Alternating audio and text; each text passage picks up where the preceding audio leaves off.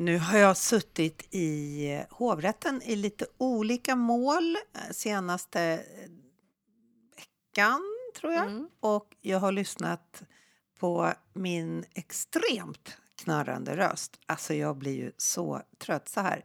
Ja, men alltså nu sa ju du på åklagarens fråga att... ehm, eh, Ja, så nu tänker jag försöka att sträcka på mig.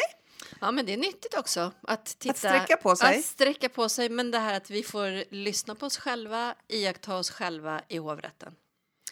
Ja, och då... Med det sagt. Med det sagt så, så kan vi inleda eh, vår podd med, med min eh, icke-knarrande röst. Och då säger jag så här. Hej Lotta! Hej Ulrika. Ska jag låta så här nu hela tiden? Ja, du får då? låta så. Okej. Själv var jag på, hos en sångcoach igår för första gången på tio år tror jag. Vad gjorde du hos hen? Eh, hos henne. Jag Mm. var och eh, sjöng. Jag ska sjunga på ett ställe i nästa vecka. Och då var jag bara och fick lite tips. Väldigt bra tips. Väldigt härligt. Jag, jag vill nog rekommendera alla Och att gå ta- till en sångcoach? Ja, faktiskt. Eh, bättre... Eh, alltså den är, det är, man blir så glad och det är så härligt. Liksom. Ja, det, är verkligen ett tips. Så det är kanske det du ska göra. Men- Innan hovrätten nästa gång, gå till en sångcoach Nej, alltså bra... det är nog snarare innan nästa tingsrättsförhandling Ja, imorgon kanske. typ eftersom det är ju när man sitter i hovrätten allting spelas Ja, upp. men du har så rätt, att det är ju lite rätt. kört. Jag är ju jäkligt väl medveten om min knarrande röst när jag kommer till hovrätten för den blir jag ju påmind om. Mm. Men eh, jag sträcker på ryggen här och Ja, försöker och låta så som hittar att du jag varit hos stödet en... till magen Ja. och så känner du skinkorna mot stolen, alla såna där mer Exakt. bildliga ehm, förklaringar som man har inom rösthantering. Du, Ja. idag Idag, Är- äntligen, avsnitt 98. Ja, och det är ju helt sjukt att vi har spelat in så många avsnitt. Mm, snart som är det 97. 100. Vi måste ja, vi måste ha något något partaj då. Eh, och, och nu är det ju, nu lackar det mot jul och Mm. då tänkte vi, eh, vi, vi gick tillbaka i våra 97 avsnitt och kunde se att vi har vi lite, inför varje sommar och inför varje julledighet så har Mm. vi spelat in lite tips om olika böcker, filmer och tv-serier och så. Mm, det här är ett favoritavsnitt för oss. Mm. Det måste man säga. Även om vi tycker om att diskutera såklart rättspolitik och, och rättssäkerhet och så vidare. Alltid, alltid, alltid. Och det är syftet med den här podden. Så är ju det fantastiskt att sitta här och prata bara böcker och film. Och, Ja, och då är det ju så att det är en, en stund fram till julen. Mm. Men å Då andra man sidan, man hinner skaffa alla de Mm. här olika streamingtjänsterna och köpa de här böckerna. Eller låna. Men, ja, eller låna. Eh, men eh, jag tänkte på det att nu eh, när vi sitter här och tipsar så har vi också en ganska bra jul framför oss.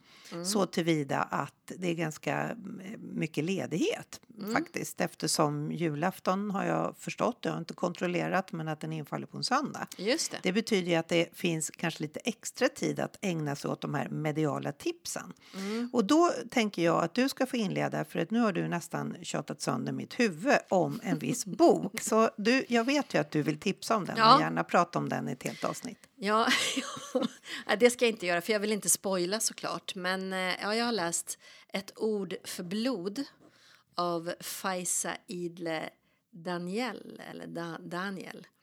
Eh, som eh, jag tycker är en eh, mycket läsvärd bok. Den handlar om en tjej som är syster till en av grundarna till Shottaz. Hon eh, var bästa vän till en av grundarna till Dödspatrullen. Och hon beskriver en uppväxt i Järvaområdet, kan man säga, eh, Tensta-Rinkeby utifrån eh, sig själv, sina vänner, sin familj, utvecklingen från 2014 och framåt ungefär skulle jag säga.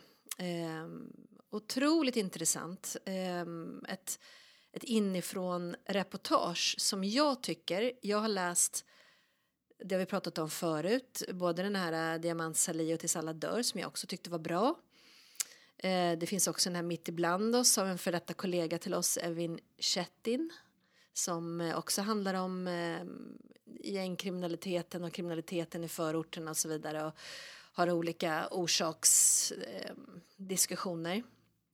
Men jag måste säga att jag tycker att, att den här personen inte har, vad jag har sett i alla fall, fått större plats medialt är något förvånande. För här är det en som har varit där och beskriver och inte ger de här, om jag ska säga så, ganska lätta lösningarna utan snarare att man får en känsla av hur sjutton ska vi göra då? Hur ska vi lösa det här? Och vi brukar alltid säga att det ska vara förebyggande åtgärder och så vidare och, och när man läser den här boken nu utan att spoila, men jag menar det, det är ju ett reportage så att känner man till hur utvecklingen har varit med alla de här gängen och, och om vi ser den situation vi är nu som ju eh, kanske är en ytterligare eskalering av allt det här så, så är det ju tydligt att man måste jobba så oerhört brett för att få en, en, någon sorts förändring. Och att det är oerhört långsiktigt. jag Alltså fråga- jag, jag, får jag bara säga, jag, du säger alltid att jag är så positiv och så. Och den, här, den här boken är ju inte någon man lämnar med någon positiv entusiasm över hur man ska göra utan bara, men hjälp, var ska vi börja? Ja, Det är det att det är en, en, vad kan man säga, det låter lite som att det är åt en förlorad generation eller några Ja. förlorade generationer. Ja, av olika skäl. Och det, är, alltså det är allt ifrån radikaliseringen när, när folk reste till Syrien för att kriga för, för IS. Eh, frustrationen i att de trodde det skulle bli annorlunda och ja, det här att man fick lämna skolan för att åka till hemlandet och gå på olika uppfostringsskolor och missa skolgången här. Det, alltså det är ett sånt otroligt eh, stort problem på så många olika sätt. Och det här är ju en, en person som man egentligen ska prata med mycket, mycket mer. Vi kanske kan intervjua henne Ja, jag gång. tänkte nu när jag sitter här så tänker jag det skulle ju vara verkligen, det får vi jobba på. Mm. Mm. Nej, så det är ett tips. Och Men då, du, jag tipsar ju så- samtidigt om den här Mitt ibland oss, för den är ju bra för att det är en journalist som skriver men, och har liksom som någon sorts historiebok mer. Eftersom den här eh, Ett ord för blod är ju mer än ett ehm, hon var ju kompis med, med alla och, och, och Men mitt hur- ibland oss, det är väl... Ja, mitt ibland oss är även igen. Ja, men tills alla dör menar jag. Mm. Framförallt den tycker Ja, jag. det För den är som, en, ja, det Mm. är som en, ja men som en, en, det är också ett reportage men det blir som en historiebok liksom. Mm. Vad börjar det med? Vilka, vem sköts först och hur blev hämnden där? Och, så att man kanske får hela persongalleriet Mm. på något vis. Men, eh, och sen den här, definitivt. Men du, den, den, när kom den ut? Den är ny, nyutkommen. Ja, jag tror att den är relativt ny. Mm. Och, men jag tror att jag frågade dig när du började tjata om den här boken om den var eh, inbunden eller om den hade kommit på pocket. Och då tror jag att du sa att den kanske fanns på pocket. Hur var det med Ja, det? det vet jag faktiskt inte. Nej, jag läste på e-bok. Det ska jag också Ja, ja, säga ja. bland mina första gånger. Jag brukar ju lyssna eller så läser jag vanlig bok. Men nu har jag haft den på paddan och bläddrat. Liksom. Mhm. Så det, jag vet faktiskt inte riktigt det. Men, ehm, ja, men det är ett tips. Och det kanske inte är super eh, högt litterärt. Men det är just för att få en inblick. Mm. För det får man verkligen. I, på, på så väldigt många olika sätt. Så du ska definitivt Jag som är en sån oerhört negativ person ska kanske få möjlighet att bli ännu mer negativ. Ja, det känns fint. Inför julen. Ja. Mm. Ja, eh, när vi skulle försöka eh, ringa in vad vi skulle tipsa om så eh, satt jag på pendeln ifrån Södertörns tingsrätt alldeles nyss och så tänkte jag vad fasen har jag läst på senaste tiden? Och då eh, var det faktiskt så att jag avslutade eh, Lena Anderssons bok som heter Koryféerna. Mm. Koryféerna, den kom ut 2022 och den handlar om Palmemordet. Eh, det är en, som hon kallar det, en konspirationsroman. Det är ännu en av dessa romaner som handlar om Palmemordet. Det är lite roligt därför att eh, jag tror att det är, jag var ju ändå vuxen när, när Palmemordet skedde, även om jag var ung. Så eh, kan jag lite känna att jag tenderar till att bli sådär lite som gamla gubbar som läser allt om andra världskriget. Jag läser allt om Palmemordet, så sån har jag blivit. Palmemordet och Knutby. Ja, Knutby såklart. Ja. Men, och där, eh, där är det är en annan grej. Det Mm. är något mera... Det, som har Det är ännu mer. vet inte riktigt vad det har med att göra. Men när det gäller den här koryféerna då så har jag alltså inte läst den innan 2022. Eh, när det, det har jag inte läst den fast den kom ut då för ett år sedan. Eh, jag kan säga så här, eh, när vi pratar om högt och lågt språk så är ju detta Lena Andersson och hon har ju ett, eh, hon är ju en väldigt, eh, väldigt bra författare. Eh, nu tycker jag inte den här... Krönikör också va? Ja, eller hon skriver ju på olika, i olika ledarsidor och har en massa åsikter om olika saker som kanske inte jag delar i, i det mesta. Men hon skriver väldigt bra. Mm, hon. Så hennes böcker är väldigt bra. Eh, eh, den här tyckte jag inte var så bra i alla fall. Och då tror jag att jag har tipsat tidigare om eh, bästa Palmemordsboken. Och det är Hans-Gunnar Axbergers Statsministermordet. Mm, den har du tipsat om. Ja, den är har jag tipsat om tidigare. Och det finns ett, det, om jag inte har tipsat om det så gör jag det nu. Finns ett, ett väldigt roligt, ska jag säga, eh, klipp på Youtube som är kanske från förra årets bokmässa. Mm. Där är Hans-Gunnar Axberger och sen är Lena Andersson och sen är det ytterligare, jag tror att det är en journalist från Expressen som har skrivit en Palmebok som inte jag har läst, eh, som ska bli intervjuade. Och det är, jag vet inte, det är min tolkning, för Lena Andersson och Hans-Gunnar Axberger verkar inte vara så här eh, jätte verkar inte gilla varandra så här jättemycket. För de sitter så här typ och tittar åt olika håll hela tiden och verkar väldigt besvärade över den andras närvaro. Och, men den, det klippet på Youtube då om man känner för det är Eh, och sen ska man läsa eh, Vad är sökordet på ett sånt klipp? Ja, då, då tror jag faktiskt att det enklaste är att skriva Lena Andersson och Hans-Gunnar Axberger. Ja, så kommer det nog För det är det som är Ja. grejen, att de tittar åt olika håll, att de verkligen inte gillar varandra. Nej, precis. Mm. Eller ja, precis. Eh, så, eh, Men varför var den inte bra då? Alltså varför, du vill inte säga någonting om det. Nej, För jag vill inte spoila. Nej då, det är väl ganska välkänt, Palmemordet vid det här laget. Men nej, alltså det, det ska ju då... Det ska ju vara som hon säger, då, en konspirationsroman. Hon har liksom gjort om en av dessa Palmespår. Till hon har någon sorts presenterar i boken, hon behöver inte stå för den själv, en, en, en ytterligare av alla dessa teorier kring varför Palme blev mördad. Mm. Men eh, eh, alltså, det Men inte roman, mig. så det är inte dokumentärt? Nej, precis. Det något- hittar på. Det hittar på helt Nej, det och- hittar på. Mm. Men, eh, och då... Så den rekommenderar du inte? Eh, eh, nej, jag gör inte det. Utan jag rekommenderar Axberger som jag brukar göra. Mm, vi kanske ska införa det också. Jultips svartlistade. Det här vill Ja, vi inte att ni precis. läser. Ja, jag ska återkomma till det, för jag har också en, en Mm. tv-serie man inte ska titta på. Men har du, hade du någon mer bok? Nej. Nej, jag hade ingen mer bok. Hur var det Ehm, på film och, och, och tv-fronten? Ja, Mm. Där så har jag nu börjat kolla på en serie på Netflix som är sex avsnitt, eller kapitel som de eh, kallar det i den serien, som heter En eh, helt vanlig familj. Eller Men En ha- vanlig familj. Eh, va- Nu har ju vi någon sorts krimtema här. Är, är det det den där? Mm. Är det det? Eh, Jag har ja, inte sett den. nej, den är... Ja, det är det verkligen. Det Mhm. är en eh, helt vanlig familj.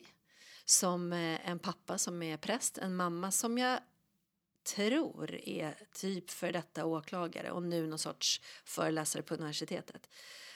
Och så har de en dotter och eh, hon blir misstänkt för mord. Så Aha, hon eh, okej. blir anhållen och sen häktad och hon får en försvarsadvokat och sen är det Ja, det låter ju jätte... Framförallt, Krim. ja, jag kan säga att den, eh, det var ju en serie och framförallt en bok av Malin Persson Guilito Aha, okej. som hette Det största av allt som de gjorde serie på på Netflix också om jag inte missminner mig. Och jag trodde väl att de skulle vara, alltså i början, första avsnittet så tänkte jag så här, men det här verkar vara ungefär samma, samma tanke och samma mm, vad ska man säga, ansats. Alltså att det är en tjej Ja, som för jag sitter tror att jag inne på häktet den, och sådär. den andra serien. Exakt. Ja. Och det är lite samma filter, lite samma känsla och sådär. Men det, det är inte samma. Om man nu inte ska säga att det alltid är samma om en tjej sitter Mm. häktad för mord. Liksom. Men, eh, utan här är det väldigt mycket mer. Det är lite tillbakablickar så att det blir lite det här att man får eh, egna teorier om vad som har hänt. Eh, och sen så är det mycket också hur familjen agerar och vad som händer i en familj. När, och det här att man inte får ringa Mm. till de som är häktade med restriktioner. Eh, det här som är vardag för oss Men som är väldigt, som vi brukar säga, det känner man oftast inte till om Mm. man inte har fått en inblick på något sätt i, i den verkliga situationen som, som häktad eller misstänkt för brott.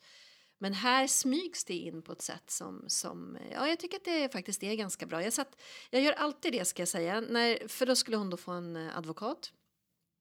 Eh, och jag utlämnar viss information nu så att jag inte spoilar liksom alla relationer och sådär. Men den här advokaten, jag, jag känner att jag kan sitta och vara lite stressad. För att jag, jag tycker att alltid vi ska skildras så, alltså hela vårt skrå i såna här filmer eller i böcker, såna här vanliga deckare och så, så är advokaterna alltså inga roliga individer. Och de bryter mot alla etiska regler. Och ibland medvetet för att visa att man är en tvivelaktig figur totalt. Men ibland tror jag att det är okunskap. Och i den här så är jag inte riktigt på det klara med om det är så att det är okunskap eller om man gör det för att visa hur, hur det också kan vara. Det är bland annat att man bryter restriktioner till viss del och sådär. Men det var inte så att jag satt där och mådde illa liksom. Det, det Har du sett hela? på. Nej, jag, jag har två avsnitt kvar så jag har inte sett Så slutet. du vet Så inte om du kommer så- må illa på slutet? Nej, och sen advokaten är ytterst perifer. Utan det är mamman och pappan framför allt. Hur man liksom agerar och vad man är beredd att göra. Mm. Och det, det är ett annat brott som ligger i bakgrunden som är... Det är lite spoiler Ja, men gör alltså. inte det då, för jag vill se den där. Ja, men det, jag tror att det ändå kan vara ganska intressant. Att, jag kan tycka att det är lite intressant. för Att det få reda ligger- på det av dig innan man Mm, ser ja, serien. Det har en- egentligen inte, alltså det kommer direkt i första avsnittet och det ligger liksom till grund för allt. Så det kan jag, jag kan säga det, eller? Jag säger det. Alla som inte vill höra det får sluta lyssna nu då i en minut. Eh, men, för hon blev utsatt för en våldtäkt flera år tidigare när hon är mycket yngre, den här tjejen. Och då väljer familjen och framförallt mamman, då tror jag att hon är åklagare och så säger hon nej men jag vet, det, det är ingen idé att vi går till polisen för det kommer inte bli, det kommer inte bli en process av det här. Och då ska du bara utsättas och du ska bara sitta där och eh, må dåligt hos polisen och det kommer inte leda någonstans och så kommer det läggas ner och så kommer du bara känna att det är du som har blivit utsatt för brottet och sen har du blivit ytterligare utsatt i processen. Så vi går inte till polisen. Det blir ett, ett, ett beslut mellan föräldrarna. Och sen vet inte jag om det betyder någonting för sen är ju det här ett helt annat brott som, som egentligen serien handlar om. Men det där tycker jag också var intressant hur man det ställningstagandet och jag tror att det har lite bäring i liksom hela serien. För just det som vi har pratat om som man möter hos unga tjejer som gör anmälan ändå till slut att de har lite känslan av att ah, jag vet inte om det verkligen var rätt. Det kommer väl inte bli någonting. Att man tar upp den problematiken och Mm. svårigheten med, med bevisföring i våldtäktsmål och sådär. Lite vid sidan om men ändå tycker jag kanske på ett tankeväckande sätt. Mm. Inte helt dumt sätt. Men, eh, och då sa du... Inte superbra men inte heller helt dumt. Så jag har ändå rekommenderat att man ser den. Ja, vänta här nu. Eh, Du menar att serien inte är superbra men inte helt dum? Alltså den är inte superbra men den är intressant. Jag tycker man ska se den. Mm. Mm. Okej, då gör jag det då. Mm.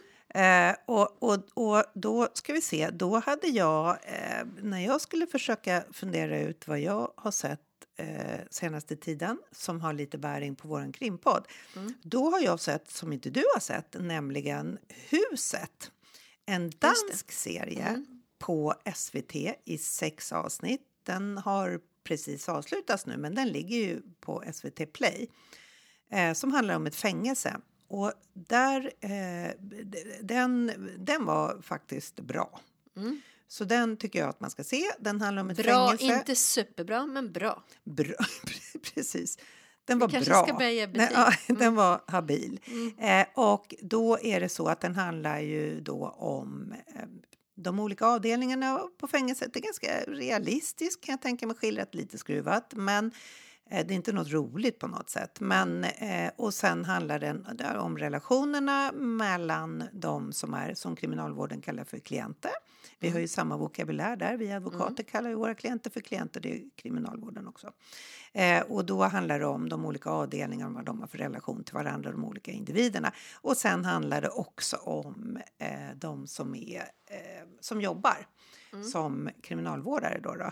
Och eh, vad som. Det är inte någon relationspryl utan det handlar om det här fängelset. Jag, jag skulle säga att den var, den var bra den var bra. Mm, du höll på att säga jättebra, men Jätte- du stannade. Ja, alltså, jag, jag stannar. Men alltså, den var verkligen, det Bra. jag kan säga så här, den var klart sevärd. Mm. Och då vill jag sticka in här i, i det som är klart slöseri på tid. Ja, Och det är också på SVT eh, och det är en serie som heter Ståplats Nybroviken. Sex avsnitt. Helt slöseri på tid. Jag retar upp mig så jag kan inte ens jag kan inte säga att jag har sett sex avsnitt därför att jag retar ihjäl mig. För då sitter det två journalister och pratar och visar upp lite bilder och sen så känner jag att de liksom gottar sig och spekulerar och den ena intervjuar den andra. Alltså det är säkert någon som sitter och lyssnar på det här nu blir jättekränkt men mitt tips är spara den tiden till att istället lägga på någonting som är det mest fantastiska av många serier och jag kan inte sluta tipsa om den nämligen The Wire.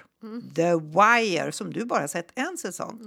Och då säger jag som Jag nördar Jag in på den ursäkt. att man, man kan inte bara se en säsong, man måste se sex säsonger. Det är Mm. sex säsonger.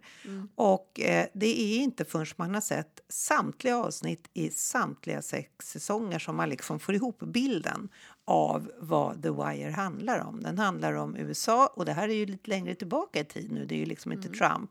Och den handlar om kriminalitet, den handlar om fackföreningsrörelsen, den handlar om skolan, den handlar om politik och korruption. Alltså den är sjukt bra. Så om man tänker så här, det är sex säsonger, det är ganska många timmar.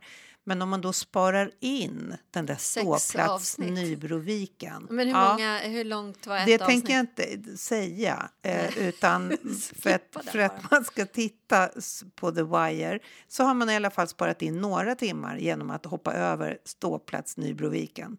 Och den, The Wire, den, den är så pass gammal så jag tror att jag såg den alla de här säsongerna när det fortfarande var att man lånade eller köpte DVD. Ja. Men, men nu finns den då på HBO Max. Den har ju funnits på olika, men, men, och vi är ju inte någon Sveriges Radio så vi behöver inte säga att den finns på olika kanaler. Men just Mm, Men- nu finns den på HBO Max. Alla säsonger? Alla sex säsonger. Ja, men det var ju ett är bra ett tips. måste. Mm, Vad kul. Då vet du att du har... eh, Du, Julen du, är och det är ju räddad. jättelänge sedan du såg säsong ett, Ja, så men det var ju typ DVD-tid. Ja, du får se om den. Det är sex säsonger. Julen är räddad. Mm, det är ju toppen. Då när vi ändå pratar då om en, en serie som spänner över längre tid så kan jag ju passa på att tipsa om Happy Valley som är på SVT. Mm. Ehm, och där ligger nu i alla fall alla tre säsonger. Och den första säsongen är från 2014. som Ja, det är nio år sedan. nio år sedan. Och så är det då andra och tredje säsongen nu eh, kom i januari 23. Och det intressanta med det, det handlar om en eh, polis, kvinnlig polis eh, och hennes familj kan man säga och så finns det då för att vara väldigt icke-spoilande nu så finns det viss problematik brottsrelaterad i hennes eh, nära familj. Så kan man säga. Mm. Som ju är, är ja, jag måste säga att jag tycker den är obehaglig också i vissa bitar. Väldigt, Den är också väldigt så, välgjord. den är väldigt, det är, det är säkert, jag vet faktiskt inte men jag antar att det är en BBC-produktion. Ja. Den är väldigt eh, sådär eh, kvalitetsmässigt, Mm. går inte att klaga på någonting. Och, och nu kommer inte jag ihåg vad hon heter som spelar huvudrollen där, eh, men det, den, hon är ju jättebra. Alltså den är... Mm. Den är oerhört bra. Alla är bra. Och det intressanta där, som jag inte vet om jag har sett i någon annan sån liknande serie, det är att det är samma skådisar under Just alla det. de här säsongerna. Och Ja. då blir det ju att bland annat är det hennes barnbarn som spelar en ganska viktig roll. Och då är han jätteliten 2014, Mm. vad kan han vara, sex år eller sju år eller något sånt där. Och sen följer man då, för det är samma kille som Ja, spelar precis. rollen. Så att sen då 23 så är han ju 16, 17 Ja, typ. 16, 17 Ja. år. Då är han ju det på riktigt liksom. I alla fall ser han ut att vara det på riktigt. Och alla skådisar, ja jag tror att det är alla, är precis de som var med från Mm. början. Så att hennes syster har också en viktig del i det och hon blir också äldre liksom. Och sen och tredje säsongen så är hon ju då också i pensionsålder kan man säga, huvudpersonen. Och det tycker jag också var ehm, ett, ett eh, bra drag att ha det just så, samma skådisar. Ja, och, och, och det, för den har, det har ju en poäng och de har ju verkligen dragit det till Mm. sin yttersta spets om man då jämför med Fargo Mm. Som finns i flera säsonger Mm, där det är helt nya varje gång. Och det är inte att det är nya människor som spelar samma karaktärer utan det är nya karaktärer varje Mm. säsong och det, det är i, i den andra änden och jag gillar Fargo väldigt mycket. Det var en film från början. Men Mm. En nu bra finns film det, också. Mm. Ja, precis. Eh, och den eh, är ju helt annorlunda på det viset att det är olika personer som spelar olika karaktärer. Team då, eller brukar vara två Ja. poliser som är, är liksom huvudpersonerna. Men eh, från det till eh, nästa hade du nu ytterligare tips. Ja, jag hade faktiskt ett tips som är något helt annat som vi inte tipsat om eh, och det är spel. Och nu är det ju Just årets det. julklapp är ju sällskapsspel. Mhm. Mm. Vad det nu är för utnämning egentligen. Vad hände med Årets- bakmaskinen? Ja, vad hände med den liksom? Allt den här spikmattan och allting. Ja, Men i år är det sällskapsspel. Förra året var det sticka, var det inte det? Mm. Sticka en varm tröja, stickor och garn liksom. Ja.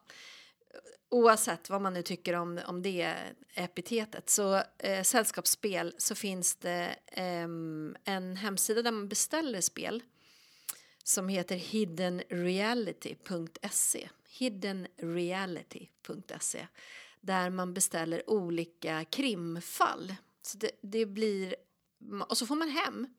Du har gjort det här? Så. Ja, jag, har gjort, Mm. jag har testat ett sånt spel och då fick man hem ett kuvert där eh, det är som ett förundersökningsmaterial. Det är ett mord och sen är det ett persongalleri och sen eh, i det här då, jag vet ju inte om det är säkert olika i alla de här spelen, men i det här så var det väldigt avancerat med små bevispåsar med olika mm, saker som hade då haft viss bäring. Det var ljudfiler som man kunde ladda ner från Youtube och det var eh, det är vittnesrapporter och det är bilder, det är rättsmedicinsk utredning, alltså ja, väldigt bra. På ett lekfullt sätt, naturligtvis inte som en riktig förundersökning utan ja, nej, jätteroligt. Men då berättade du, när du snackade om det här, då berättade du att man spelar liksom inte mot varandra. Man Nej, är någon sorts Man är ett- utredningsteam. Exakt, och det gillar jag också. Mm. Så att man eh, får enas om vem man då ska tycka är mördaren. Och då är det så eh, att det finns då på den där hemsidan alltså olika scenarion. Ja, precis. Och- och- olika, jag antar också olika typer av utredningar och sådär. Och hur, hur mycket kostar det här då? Det har jag ingen aning om, för jag fick det här. Så det har jag Ah, faktiskt inte okej, kollat. Det har du inte vågat fråga. Nej, men jag tror faktiskt inte att det är svindyrt. Men och, och även om, jag menar ett, ett vanligt sällskapsspel kostar ju också runt 400 spänn eller någonting. Så det är inte Men det billigt. håller ju några, alltså Monopol kan man ju spela ganska många gånger. Eh, kan man spela det här flera gånger? Nej, det kan man ju inte. Men ett tips är ju att man kanske eh, några stycken köper olika så kan man ju byta med varandra. Just det, vad fiffigt. hörru. Mm. Ja. Jobbar du för den där hemsidan? Ja, får faktiskt eh, promotion. Nej, man ska säga att det här är inte ett betalt samarbete. Nej, Jag, just det här det. säger jag bara för att jag tycker att det är kul. Jag är Ja. inte sponsrad på något sätt. Nej, vi är Nej. ju inte det i den här podden. Nej, vi är ju inte det. Vi är inte det. det Och då ska vi alltså till. snart fira 100 osponsrade avsnitt. Det är ju Mm. fantastiskt. Och nu ska vi runda av eh, och sen så, vi är ju lite slarviga på att lyssna på vår podd eh, Mm. i efterhand. Eh, men jag ska göra några lyssningsförsök för att höra om jag har knarrat. Vad tror du? Nej, nej, nej. Helt och knarrfritt? Helt, Knarrfritt. helt knarrfritt. Ja, vad bra. Ja. Men du, eh, då, eh, Då säger vi tack för idag. säger vi tack för idag.